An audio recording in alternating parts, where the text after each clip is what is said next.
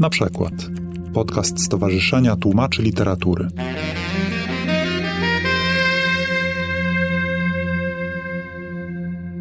Zapraszamy serdecznie na dyskusję poświęconą aktualnym trendom, zagadnieniom związanym z tłumaczeniem literatury dziecięcej, szczególnie z języków bałtyckich na język polski. Członkostwo w Unii Europejskiej niesie ze sobą wiele wspaniałych możliwości tłumaczeń dzieł z krajów Europy, także tych, których literatura nie jest jeszcze tak popularna w Polsce. Umożliwia to w dużej mierze program grantowy Kreatywna Europa, wspierający działania związane z tłumaczeniem. W jego ramach wydawnictwo EZOP e, prowadzi projekt Literackie Zbliżenia, którym tłumaczy książki nie tylko dla dzieci, ale też dla dorosłych z sześciu krajów europejskich ze Słowenii, Bułgarii, Estonii, Litwy, Grecji i Portugalii. My dziś gościmy trzy tłumaczki języka litewskiego, łotewskiego i estońskiego. Panią Małgorzatę Gierałtowską. Dzień dobry. Tłumaczkę z języka litewskiego, absolwentkę Katedry Językoznawstwa Ogólnego i Bałtystyki na Uniwersytecie Warszawskim, autorkę artykułów poświęconych dwudziestowiecznej prozie litewskiej, ale też tłumaczką, tłumaczką poezji, prozy, literatury dziecięcej, eseistyki i sztuk teatralnych. Dziś mogą tu Państwo zobaczyć i też zapoznać się na stoisku wydawnictwa EZOP e, z książką Nigridy Wisbarajte, Bogaś e, z Zielonej Łąki, którą ilustrowała Maria Smirnowajte oraz z książką Kestutisa Kasparawiciusa Zaginiony obraz w tłumaczeniu pani Małgorzaty. Jest też z nami pani Marta Grzybowska. Dzień dobry, dzień dobry. Która tłumaczy zarówno z języka litewskiego, jak i łotewskiego. Jest również absolwentką tej samej katedry, gdzie również pracuje w Zakładzie Bałtystyki. Prowadzi zajęcia z języka i zajęcia translacyjne z języka łotewskiego. W tłumaczeniu pani Marty mamy książkę Martinsza Zutisa Niedokonane odkrycie pani Anna Michalczuk-Podlecki, absolwentka Uniwersytetu Wrocławskiego, która w ramach wymiany akademickiej studiowała również na Uniwersytecie w Tartu w Estonii. I jest nie tylko tłumaczką z języka estońskiego, ale i estofilką. W jej przekładzie ukazała się książka Hilly Rand Biały jak śnieg i czarny jak węgiel – ja nazywam się Marta Cmiel-Barzant, zajmuję się przede wszystkim literaturą i kulturą słoweńską, czasem też tłumaczę, pracuję w Instytucie Slawistyki Zachodniej i Południowej Uniwersytetu Warszawskiego. Zanim przejdziemy do konkretnych zagadnień związanych z przekładem, mam do Pani pytanie dotyczące literatury dziecięcej estońskiej, łotewskiej i litewskiej. Czy mają Panie jakiegoś ulubionego bohatera literackiego? To ja zacznę. I być może zabrzmi to trochę nieskromnie, ale tak się szczęśliwie złożyło, że bohater książki, główny bohater książki Boga z Zielonej Łąki jest jednym z moich ulubionych bohaterów literackich. To jest taka literacka, dziecięca wersja Błędnego Rycerza. Jest to postać szlachetna, nieskomplikowana, trochę naiwna, ma w sobie taką fantastyczną czystość, delikatność i z pewną determinacją, ale respektując wszelkie najważniejsze wartości, dąży do celu. Ma w sobie wiele uroku i tak jak błędny rycerz pomaga pokrzywdzonym. Ja myślę, że moim ulubionym bohaterem literatury łotewskiej jest ktoś, kto chyba teraz mógłby nosić miano superbohatera. Jest to postać o tajemniczo brzmiącej nazwie Sprididis. Sprididis to jest postać stworzona przez Annę Brigaderę na początku XX wieku. Sama nazwa Sprididis jest związana z nazwą z języka łotewskiego Spridis. Znaczy to tylko tyle, co już teraz historyczna miara długości równa jednej rozpostartej dłoni i to nawiązuje wprost do niedużego wzrostu samego bohatera. Spriditisa na pewno cechuje odwaga, wręcz zuchwałość. Tak może pokrótce o samym bohaterze.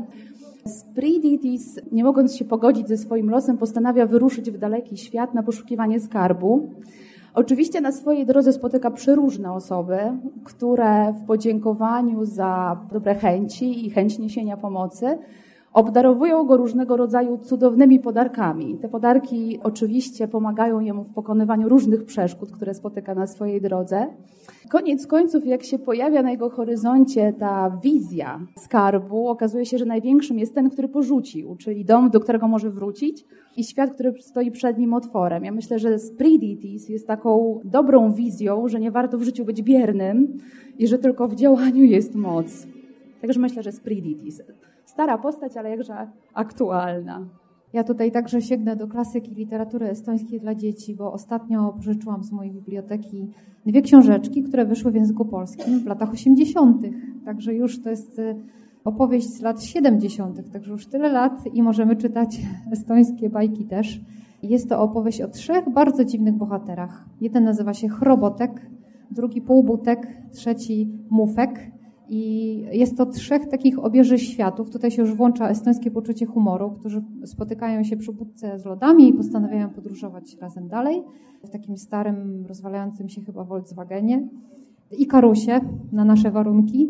Ich robotek na przykład. Zawsze śpi pod gołym niebem, w lesie najlepiej. On ma wielką brodę, która, tak jak jego imię mówi, jest porośnięta porostem, chrobotkiem reniferowym. Jest to świetne lekarstwo i tutaj to jest fakt świetne lekarstwo na wszelkie przeziębienia i ból gardła i wszelkie niemoce. I w momencie, w którym któregoś z bohaterów dopada właśnie takie małe przeziębienie, chrobotek zaparza wodę i po prostu zanurza swoją brodę i z tego robi się świetna herbatka z chrobotka reniferowego. I tych trzech panów ma świetne przygody, bardzo właśnie absurdalne. Dzieci uczą się tutaj e, humoru, ironii, dystansu do siebie. Polecam. Autor Eno Raut, jest to też od razu właśnie klasyk literatury estońskiej dla dzieci już z lat 70. Pozostajmy jeszcze na chwilę przy bohaterach literatury dla dzieci. E, Ludwik i Amadeusz, koci bohaterzy książki Biały jak śnieg i Czarny jak węgiel Hilirand, wypowiadają się i zachowują tak dostojnie, jak brzmią ich imiona. Chciałam zapytać, jak imiona bohaterów brzmiały w oryginale i czy mogłaby Pani podać e, też jakieś inne inspirujące przykłady gier językowych z dziedziny onomastyki w literaturze dziecięcej poszczególnych krajów i też strategię ich tłumaczenia? Więc w oryginale estońskim jest to Amadeus i Ludwik, odwołanie oczywiście do wielkich kompozytorów. Jeżeli chodzi o imiona estońskich bohaterów, to tutaj na pewno dla tłumacza taką zagwostką jest to, że te imiona często nie są czytelne dla nas, jako dla użytkowników języka polskiego.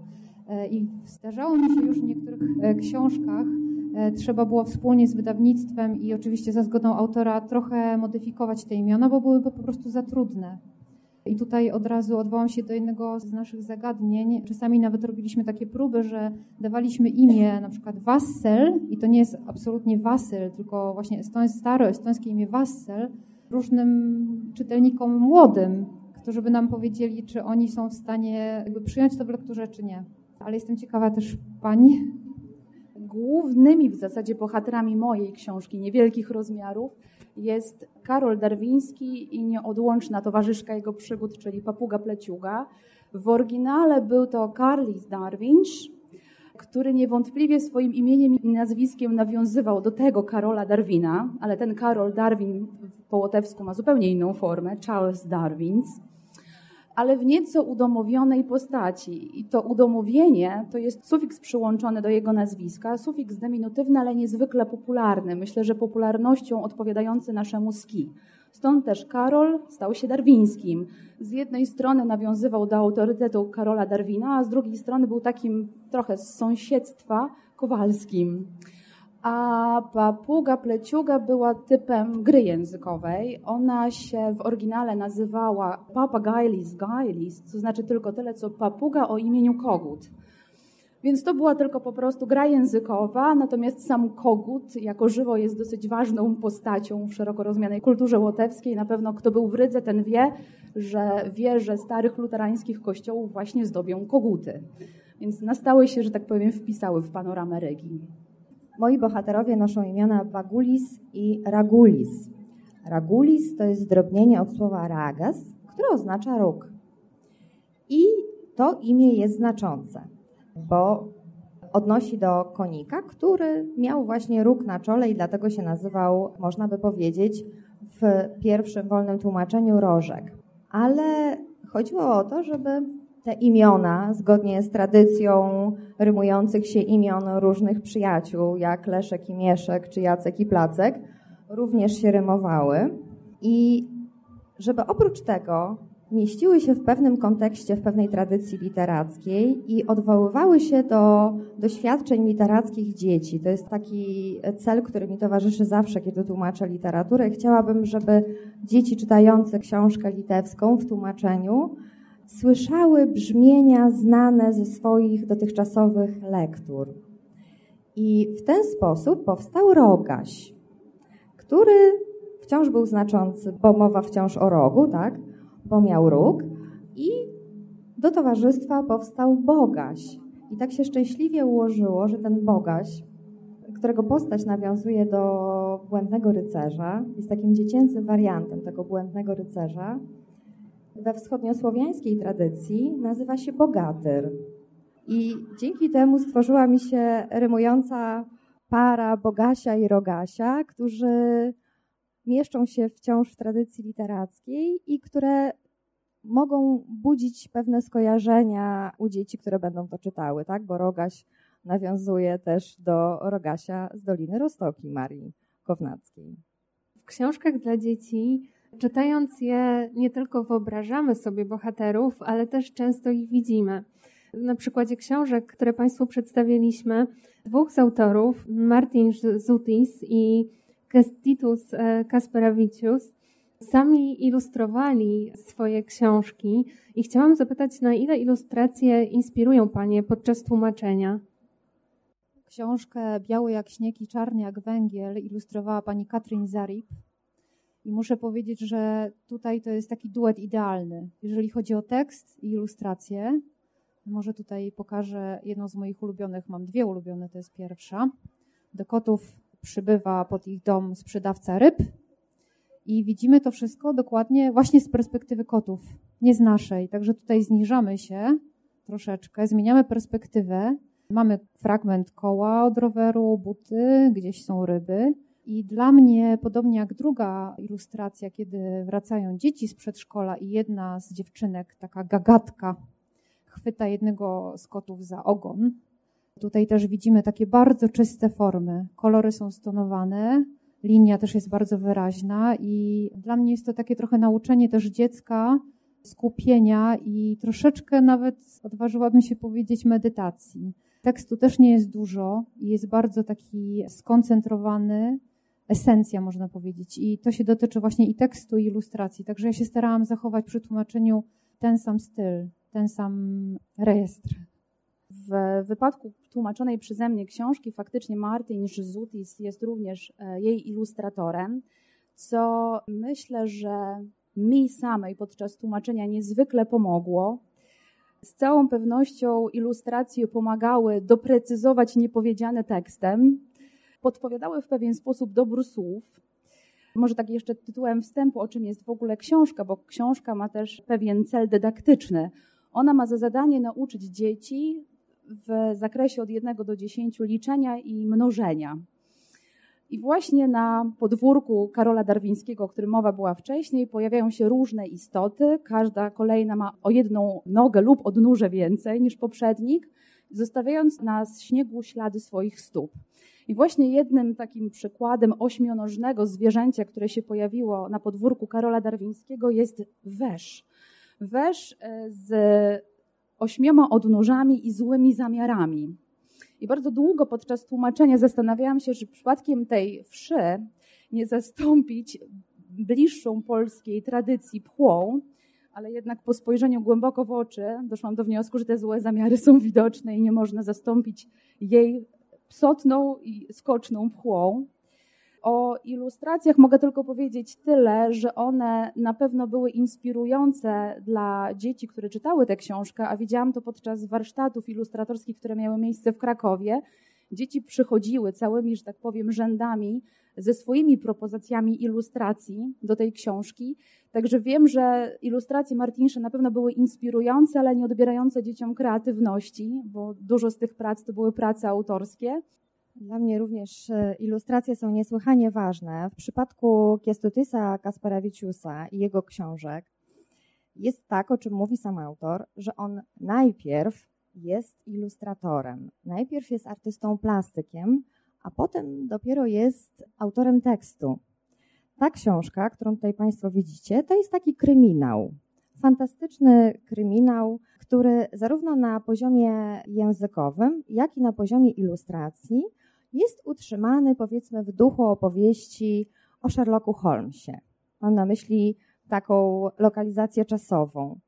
I te ilustracje Kasparawiciusa są do siebie bardzo podobne. W tym sensie właśnie, że te barwy są najczęściej takie pastelowe, bliskie brązom, czerwieniom, żółcieniom i one są troszeczkę archaizujące, to znaczy nawiązują do poprzednich epok albo do malarstwa poprzednich epok. I ta książka akurat to jest faktycznie kryminał, który powiedziałabym ma dość typowy tok fabularny dla opowieści. Ale Kasparawicz jest znany z książek, które są zbiorami krótkich opowiadań i najbardziej niezwykłe w tych książkach jest to, że to są takie impresje, te teksty to są impresje do ilustracji.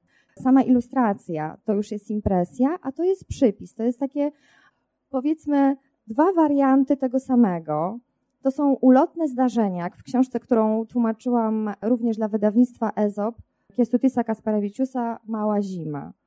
A w tym przypadku inspiracją był obraz Paulusa Pottera Pies na łańcuchu, który stał się takim punktem wyjścia do no, trochę takiego estetycznego wychowywania dzieci. W ogóle w przypadku twórczości Kiestutisa Kasparawiciusa szczególną cechą jest to, że ona uczy dzieci patrzeć na rzeczywistość oczami artysty plastyka. Uczy dostrzegać barwy. Najwięcej postaci Kasparawiciusa to są przedmioty. To są także zwierzęta, tak jak w przypadku tej książki, ale to są bardzo często przedmioty. Zresztą muszę powiedzieć, że ten Kiestutis Kasparawicius spadł mi jak z nieba, bo moja przygoda z nim zaczęła się od tego, że wpadła mi w ręce jego inna książka Apiedaictus, czyli o przedmiotach.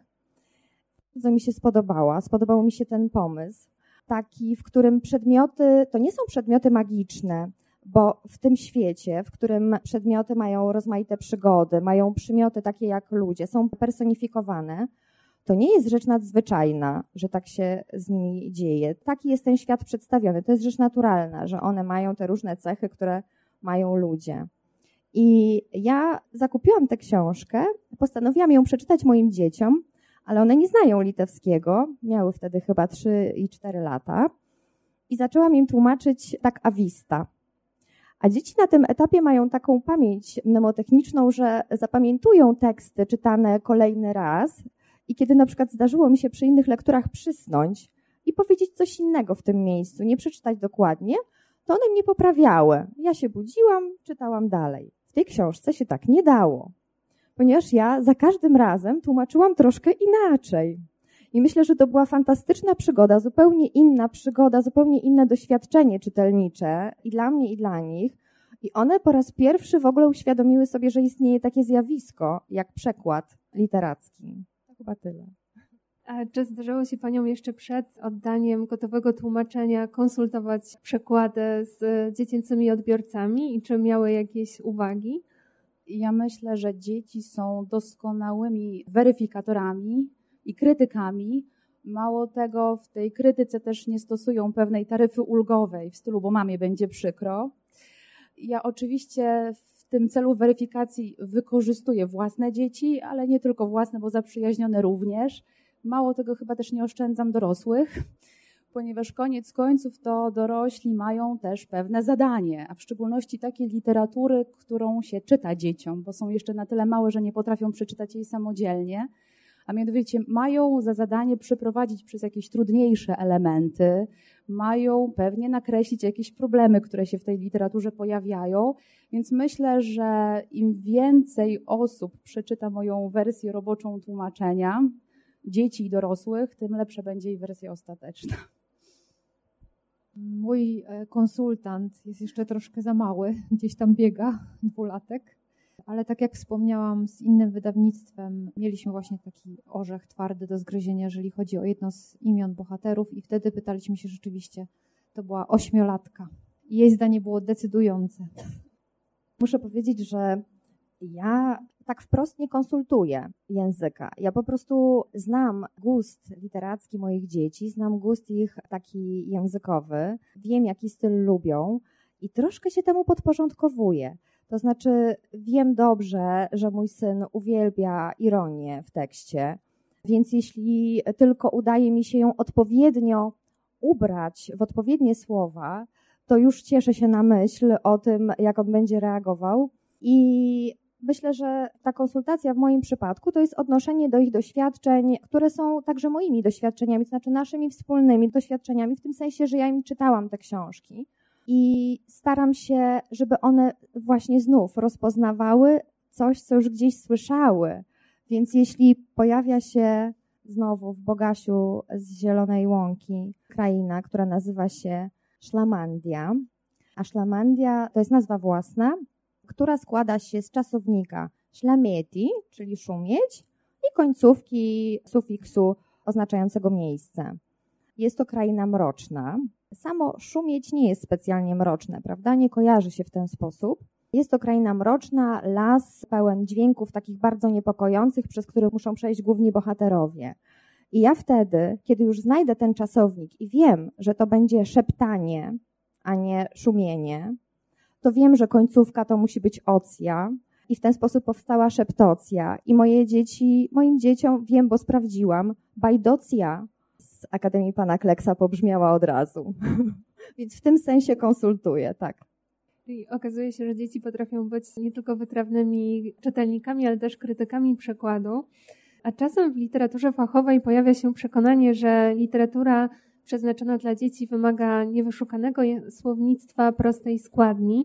Czytając tłumaczenia wykonane przez panie, odnosi się wrażenie, że zabierają panie dziecięcych czytelników w językową podróż po meandrach czasem ojczystego języka, do takich urokliwych miejsc, do których mogą nie dotrzeć w takim codziennym życiu, a tak mają szansę na chwilę wejść do środka obrazu z innej epoki, jak agent Ulf w opowiadaniu Kestutisa Kasparawiciusa Zaginiony obraz, znaleźć się na przyjęciu z wyższych sfer, też w tej samej książce.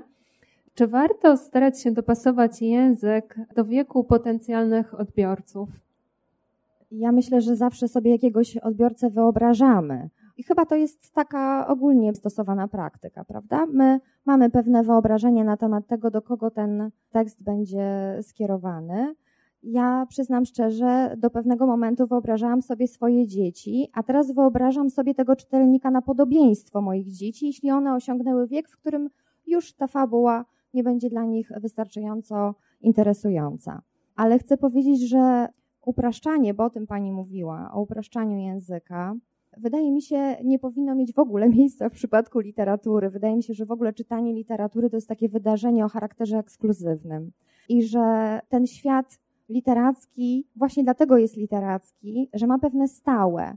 To nie znaczy, że język nie jest zróżnicowany, bo w tych książkach, które ja tłumaczyłam, bezwzględnie można zauważyć różnice stylistyczne. Tutaj nie ma też książek takich, które są może najbliższe tego języka, który słyszymy na co dzień. To są książki Liny Żutautie, Kakie Makie. To jest taka postać, która w tej chwili jest niesłychanie popularna na Litwie. To jest kilkuletnia dziewczynka, taka 4-5-letnia, która ma pewne przymioty z punktu widzenia dorosłego bardzo niepożądane. Na przykład nie lubi sprzątać. I to są takie zabawne historie z elementami fantazji, w wyniku których ostatecznie Kakie Makie, która w polskiej wersji w moim przekładzie brzmi Kuka Muka, ostatecznie porzuca te swoje przyzwyczajenia, dostosowuje się do tych oczekiwań dorosłych. I to jest taka może najbardziej odmienna stylistycznie książka tłumaczona przeze mnie. Tak czy owak, te języki różnią się, ale wydaje mi się, że one za każdym razem powinny pozostawać literackie. To znaczy, ten język powinien pozostawać literacki. On w danym wypadku może być może troszkę bardziej wystylizowany, może trochę bardziej archaiczny, tak adekwatnie do właśnie ilustracji, które współtworzą te historie, osadzają w jakimś kontekście historycznym, ale zawsze powinien pozostawać literacki. To poetyzowanie w nim może być realizowane na różnych poziomach, w różnym zakresie, ale to doświadczanie takich wyrażeń, zwrotów o zdecydowanie niższej frekwencji daje im takie autentyczne przeżycie estetyczne i widzę, że sprawia im to frajdę. Są takie wyrażenia, które już są zupełnie teraz nieużywane. Oni między sobą rówieśnicy nie używają na przykład fangi w nos. Nikt tak nie mówi fanga w nos. Ale to wyrażenie ma taki potencjał fonetyczny i taki potencjał w sobie semantyczny, że moje dzieci bez problemu zrozumiały. To jest wyrażenie z Mikołajka, które się przyjęło i funkcjonuje w naszym, takim bym powiedziała, języku domowym, kiedy rozmawiamy o różnych sytuacjach. Więc myślę, że ten język literatury powinien się różnić, powinien pozostać w tym świecie literatury, bo to on rozbudza dziecięcą wyobraźnię. Tak? My posługujemy się w tej chwili pewnymi skrótami. Dzieci zwłaszcza mają taką tendencję do tego, żeby skracać ten język. On się staje przez to mniej konkretny i sam w sobie nie niesie takiej przyjemności w użytkowaniu, w komunikowaniu się. Ja w sumie chciałabym dodać tylko tyle, że naszą rolą jako tłumaczy literatury dziecięcej jest nie tylko oddanie treści, to jest zadanie podstawowe, ale też oddanie pewnej atmosfery, która towarzyszy zdarzeniom, przeżyciom bohaterów. W sumie założenia takiego przekładu idealnego to takie, że przekład ma budzić podobne emocje, podobne wrażenia jak lektura oryginału. I jeżeli w tłumaczonej przez Małgosię książkę bohaterowie przenoszą się na bal wyższych sfer, to myślę, że taki bogaty i subtelny język tylko jakby jest przypieczętowaniem autentyczności tej podróży. Poza tym wydaje mi się, że dzieci bardzo wyczuwają sztuczność i jeżeli treść rozmija się z językiem, a przynajmniej rejestrem stosowanym, to myślę, że dzieci w taką historię nie uwierzą. Ja nie jestem absolutnie na pewno teoretykiem literatury dla dzieci, ale tak z własnego doświadczenia myślę, że dobra książka dla dzieci to musi być jak takie dobre ciasto, które ma kilka składników, czyli jest dosyć proste, ale też są tam te rodzynki. I to są właśnie te frazy albo słowa wybrane, albo czasami jakaś składnia, które mogą być trudniejsze dla takiego czytelnika. No ale właśnie trzeba tutaj wprowadzać dziecko Rodzic też, jeżeli czyta na głos, to może tutaj pięknie coś wytłumaczyć, ale dzieci też chyba czują i dla nich to może być też takie śmieszne i inne, zabawne. E, tutaj mam prostą historię w sumie dla dzieci, dla przedszkolaków. Przychodzi kot do naszych dwóch bohaterów, kot Tymoteusz. Zjawia się zawsze pod koniec dnia i mruczy niskim głosem uszanowanie. Że dzieci w przedszkolu tak nie mówią dwa nasze koty, Amadeusz i Ludwik, odpowiadają powitać. Czyli to są takie zasłyszane, tak mówią dorośli i też nie wszyscy, ale tutaj już jest takie właśnie taki smaczek, czyli ta rodzynka, jak najbardziej. Jestem za. A czym charakteryzuje się język książek dla dzieci tłumaczonych przez Pani literaturach? Czy wprowadzał Pani w jakieś rozterki natury stylistycznej, czy dotyczącej doboru odpowiedniego rejestru językowego. Język literatury litewskiej dla dzieci, podobnie jak język literatury litewskiej dla dorosłych, w moim odczuciu, jako naturalnego użytkownika języka polskiego, jest dużo bardziej poetycki. Dużo bardziej wpływa na wyobraźnię, ma taką skłonność do metaforyzacji. I przez to myślę, odczytanie takiego tekstu może być ciekawsze, bo wtedy wielość tych interpretacji się pomnaża. Z drugiej strony bywa, że trudniej ustalić to znaczenie, które my przyjmujemy, że było jakieś nadane, prawda? Jeżeli są metafory, które z natury swojej mają być niejednoznaczne. W każdym razie myślę, że język literatury litewskiej dla dzieci jest może bardziej poetycki niż język literatury polskiej, ale jest on z całą pewnością wewnętrznie tak samo zróżnicowany jak e, w literaturze polskiej. To widać, e, ja mogłam tego doświadczać, tłumacząc te pięć książek litewskich. Ja na podstawie tłumaczonej przeze mnie książki mogę powiedzieć niewiele, bo książka jest niewielkich rozmiarów. Natomiast e, po lekturze kilkunastu innych książek dedykowanych dzieciom mogę z całą pewnością powiedzieć jedno, że język potoczny też się pojawia. On nie jest językiem zakazanym mam wrażenie, że nawet w niektórych sytuacjach on się pojawia z taką premedytacją, bo dzięki temu te historie, o których opowiadają autorzy, które przeżywają bohaterowie, są bardziej autentyczne, takie z codzienności. Książka, którą tłumaczyłam, jest na pewno napisana językiem codziennym. Nie jest językiem potocznym, ale językiem codziennym. Nie jest on być może skomplikowany sam w sobie, te konstrukcje też nie są wybitnie trudne. Natomiast to, co chyba szczególnie wyróżnia książki łotewskie, to jest pewna prostota przekazu. W różnej odsłonie językowej, ale prostota przekazu. Jeżeli chodzi o język estoński, może powiem tak troszkę ogólniej o samym języku estońskim, to on ma taką bardzo ciekawą cechę, podobnie jak język fiński, że nie ma tam rodzajów, nie ma rodzajników. Często nie wiadomo nawet imiona dla nas w odbiorze, czy to są imiona żeńskie czy męskie, też nie wiadomo. E, nawet do tego stopnia, że zaimek osobowy, który u nas jest on, ona, ono, to w języku estońskim to jest jeden zaimek. Do tego stopnia ten świat jest taki, można powiedzieć, zunifikowany. Jest to bardzo ciekawe w ogóle z punktu widzenia filozofii języka, ale często tłumacząc na przykład inne książki, w których są bohaterowie e, jako przedmioty, tak jak tutaj wspominała koleżanka, przedmioty spersonifikowane, to już tutaj pojawia się problem no bo trzeba im nadać jakiś rodzaj.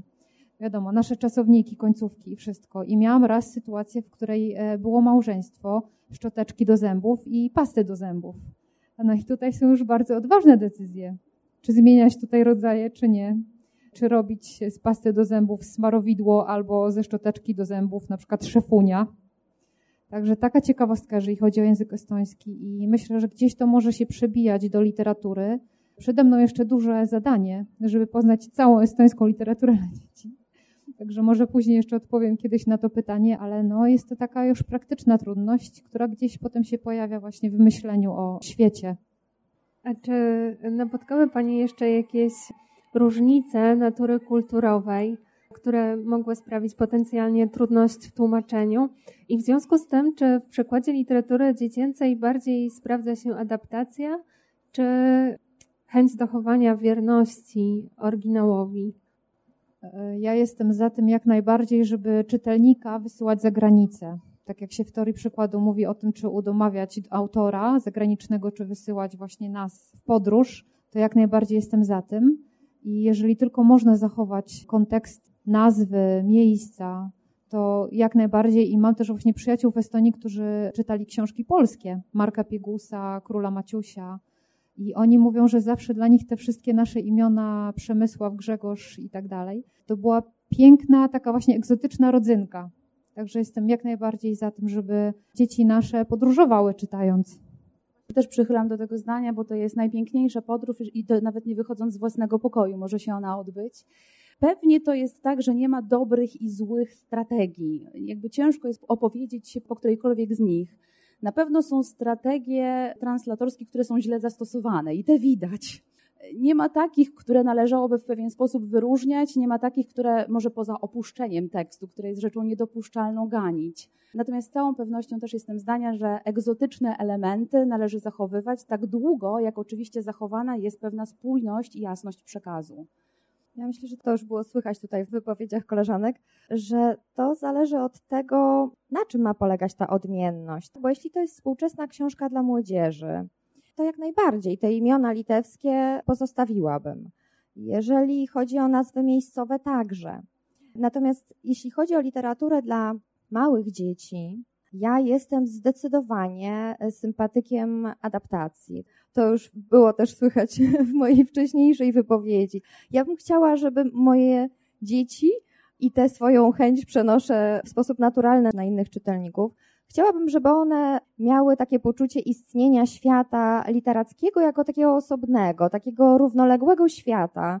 I myślę sobie, że kiedyś, kiedy moje dzieci będą czytały Don Quixota, to one sobie może nie do końca na początku zracjonalizują, ale w końcu tak, przypomną sobie, myślę, Bogasia z Zielonej Łąki. I dla mnie ważne jest to, żeby dzieci miały też takie poczucie pewnej ciągłości procesu literackiego i żeby się czuły osadzone w tym kontekście literackim, żeby widziały, że te poszczególne przejawy nie są światami osobnymi, tylko zgodnie z nazwą naszego panelu, żeby czuły te zbliżenia. Oczywiście są sytuacje, w których nie ma takiej potrzeby, nie ma potrzeby naturalizować nas własnych czy naturalizować kontekstów. Ja jestem skłonna nawet przenieść w konkretnych przypadkach, jako właśnie taki rodzynek, jakiś frazeologizm. Ja myślę, że to zdecydowanie może zwiększać wartość poznawczą takiej lektury i w takich przypadkach zdecydowanie tak, ale tak najogólniej rzecz ujmując, w przypadku literatury dla małych dzieci jestem zdecydowaną zwolenniczką adaptacji takiego udamawiania. Takie pytanie już trochę podsumowujące nasze spotkanie. Czym różni się tłumaczenie literatury dla dorosłych i dla dzieci? Co sprawia przyjemność tłumaczowi? Na jakie wyzwania można napotkać, czy trudności? Jeżeli chodzi o umiejętności, przygotowanie, poświęcony czas, e, liczbę korekt, to absolutnie niczym się to nie różni i nie powinno. A jeżeli chodzi o przyjemność, to dla mnie osobiście największą przyjemnością jest to, jeżeli ktoś mi powie, na przykład z przyjaciół, znajomych, że czytał dziecku książkę, którą przetłumaczyłam i że dziecko albo dzieci się śmiały. E, to to jest przyjemność, która się nie da porównać z niczym innym i te wszystkie korekty e, na ekranie komputera, e, na wydruku i jeszcze raz i potem też korekty redaktorskie, pracy z redaktorem, bo to też trzeba podkreślić, że to jest ogromnie ważna część naszej pracy. Współpraca z redaktorem to jest nie do przecenienia. To wszystko to się opłaca. Ja myślę, że tłumaczenie literatury dziecięcej, w zasadzie to zajmowanie się jakimkolwiek typem tłumaczenia, zawsze najprzyjemniejszy moment przychodzi, jeżeli mamy finalny efekt swojej długiej pracy i współpracy z redaktorem, więc ten moment na pewno w każdym wydaniu i w każdym tłumaczeniu jest najprzyjemniejszy. Bardzo miłe jest również to, jak dochodzą do mnie słowa od dzieci, albo jak książka zaczyna trochę żyć swoim własnym życiem jak fragmenty jej przechodzą do codziennego języka, albo jak ilustracje zdobywają swoje drugie życie. Więc to są najprzyjemniejsze momenty. Pochwały od dzieci są rzeczywiście szalenie miłe i takie budujące. Ale dla mnie chyba jednak najprzyjemniejszym etapem jest sam proces. Tak naprawdę najprzyjemniejsze jest to, co jest najtrudniejsze. To znaczy ten moment, w którym Zupełnie nie wiem, jak sobie poradzić. Jaki ekwiwalent tutaj znaleźć? Co będzie ekwiwalentem tego konkretnego wyrażenia albo tej koncepcji? To są tak naprawdę najprzyjemniejsze momenty i rzeczywiście chwila, w której już znajduję odpowiedź i ta odpowiedź spotyka się z uznaniem innych osób i ja wiem, że ono jest szczere, o ile mogę to ustalić. Tak, to to jest bardzo przyjemny moment. A zdecydowanie zgadzam się z koleżanką, że w pewnym sensie tłumaczenie literatury dla dzieci nie różni się niczym od tłumaczenia dla dorosłych, chociaż muszę powiedzieć, żeby tak oddać sprawiedliwość, żeby powiedzieć szczerze po prostu, wydaje mi się, że w moim konkretnym przypadku ja się bardziej boję efektu. Właśnie dlatego, o czym powiedziała Marta, że ja wiem, że dzieci powiedzą wprost, co myślą, i mam jeszcze takie poczucie strasznej odpowiedzialności, znaczy takiej ciężkiej dla mnie odpowiedzialności, ale takiej, którą jednakowoż chcę podjąć. W przypadku tłumaczenia literatury dla dorosłych może być jakaś wymówka, właśnie a to ktoś nawalił, a to gdzieś tam źle poszło, a to jest nie ten wariant, błąd techniczny. Wiadomo, dorosły zrozumie. Zauważy, ale może zrozumie. Dziecko nie. Ono czyta w taki absolutnie naiwny sposób. Dorosły filtruje przez swoją wiedzę. Dziecko nie. Dziecko przyjmuje za prawdę to, co jest napisane. Przyjmuje to pismo i dla niego to jest prawidłowy wariant. Więc wydaje mi się, że tak troszkę więcej, powyżej 100% staram się jednak przy tym cyzelowaniu języka dla dzieci.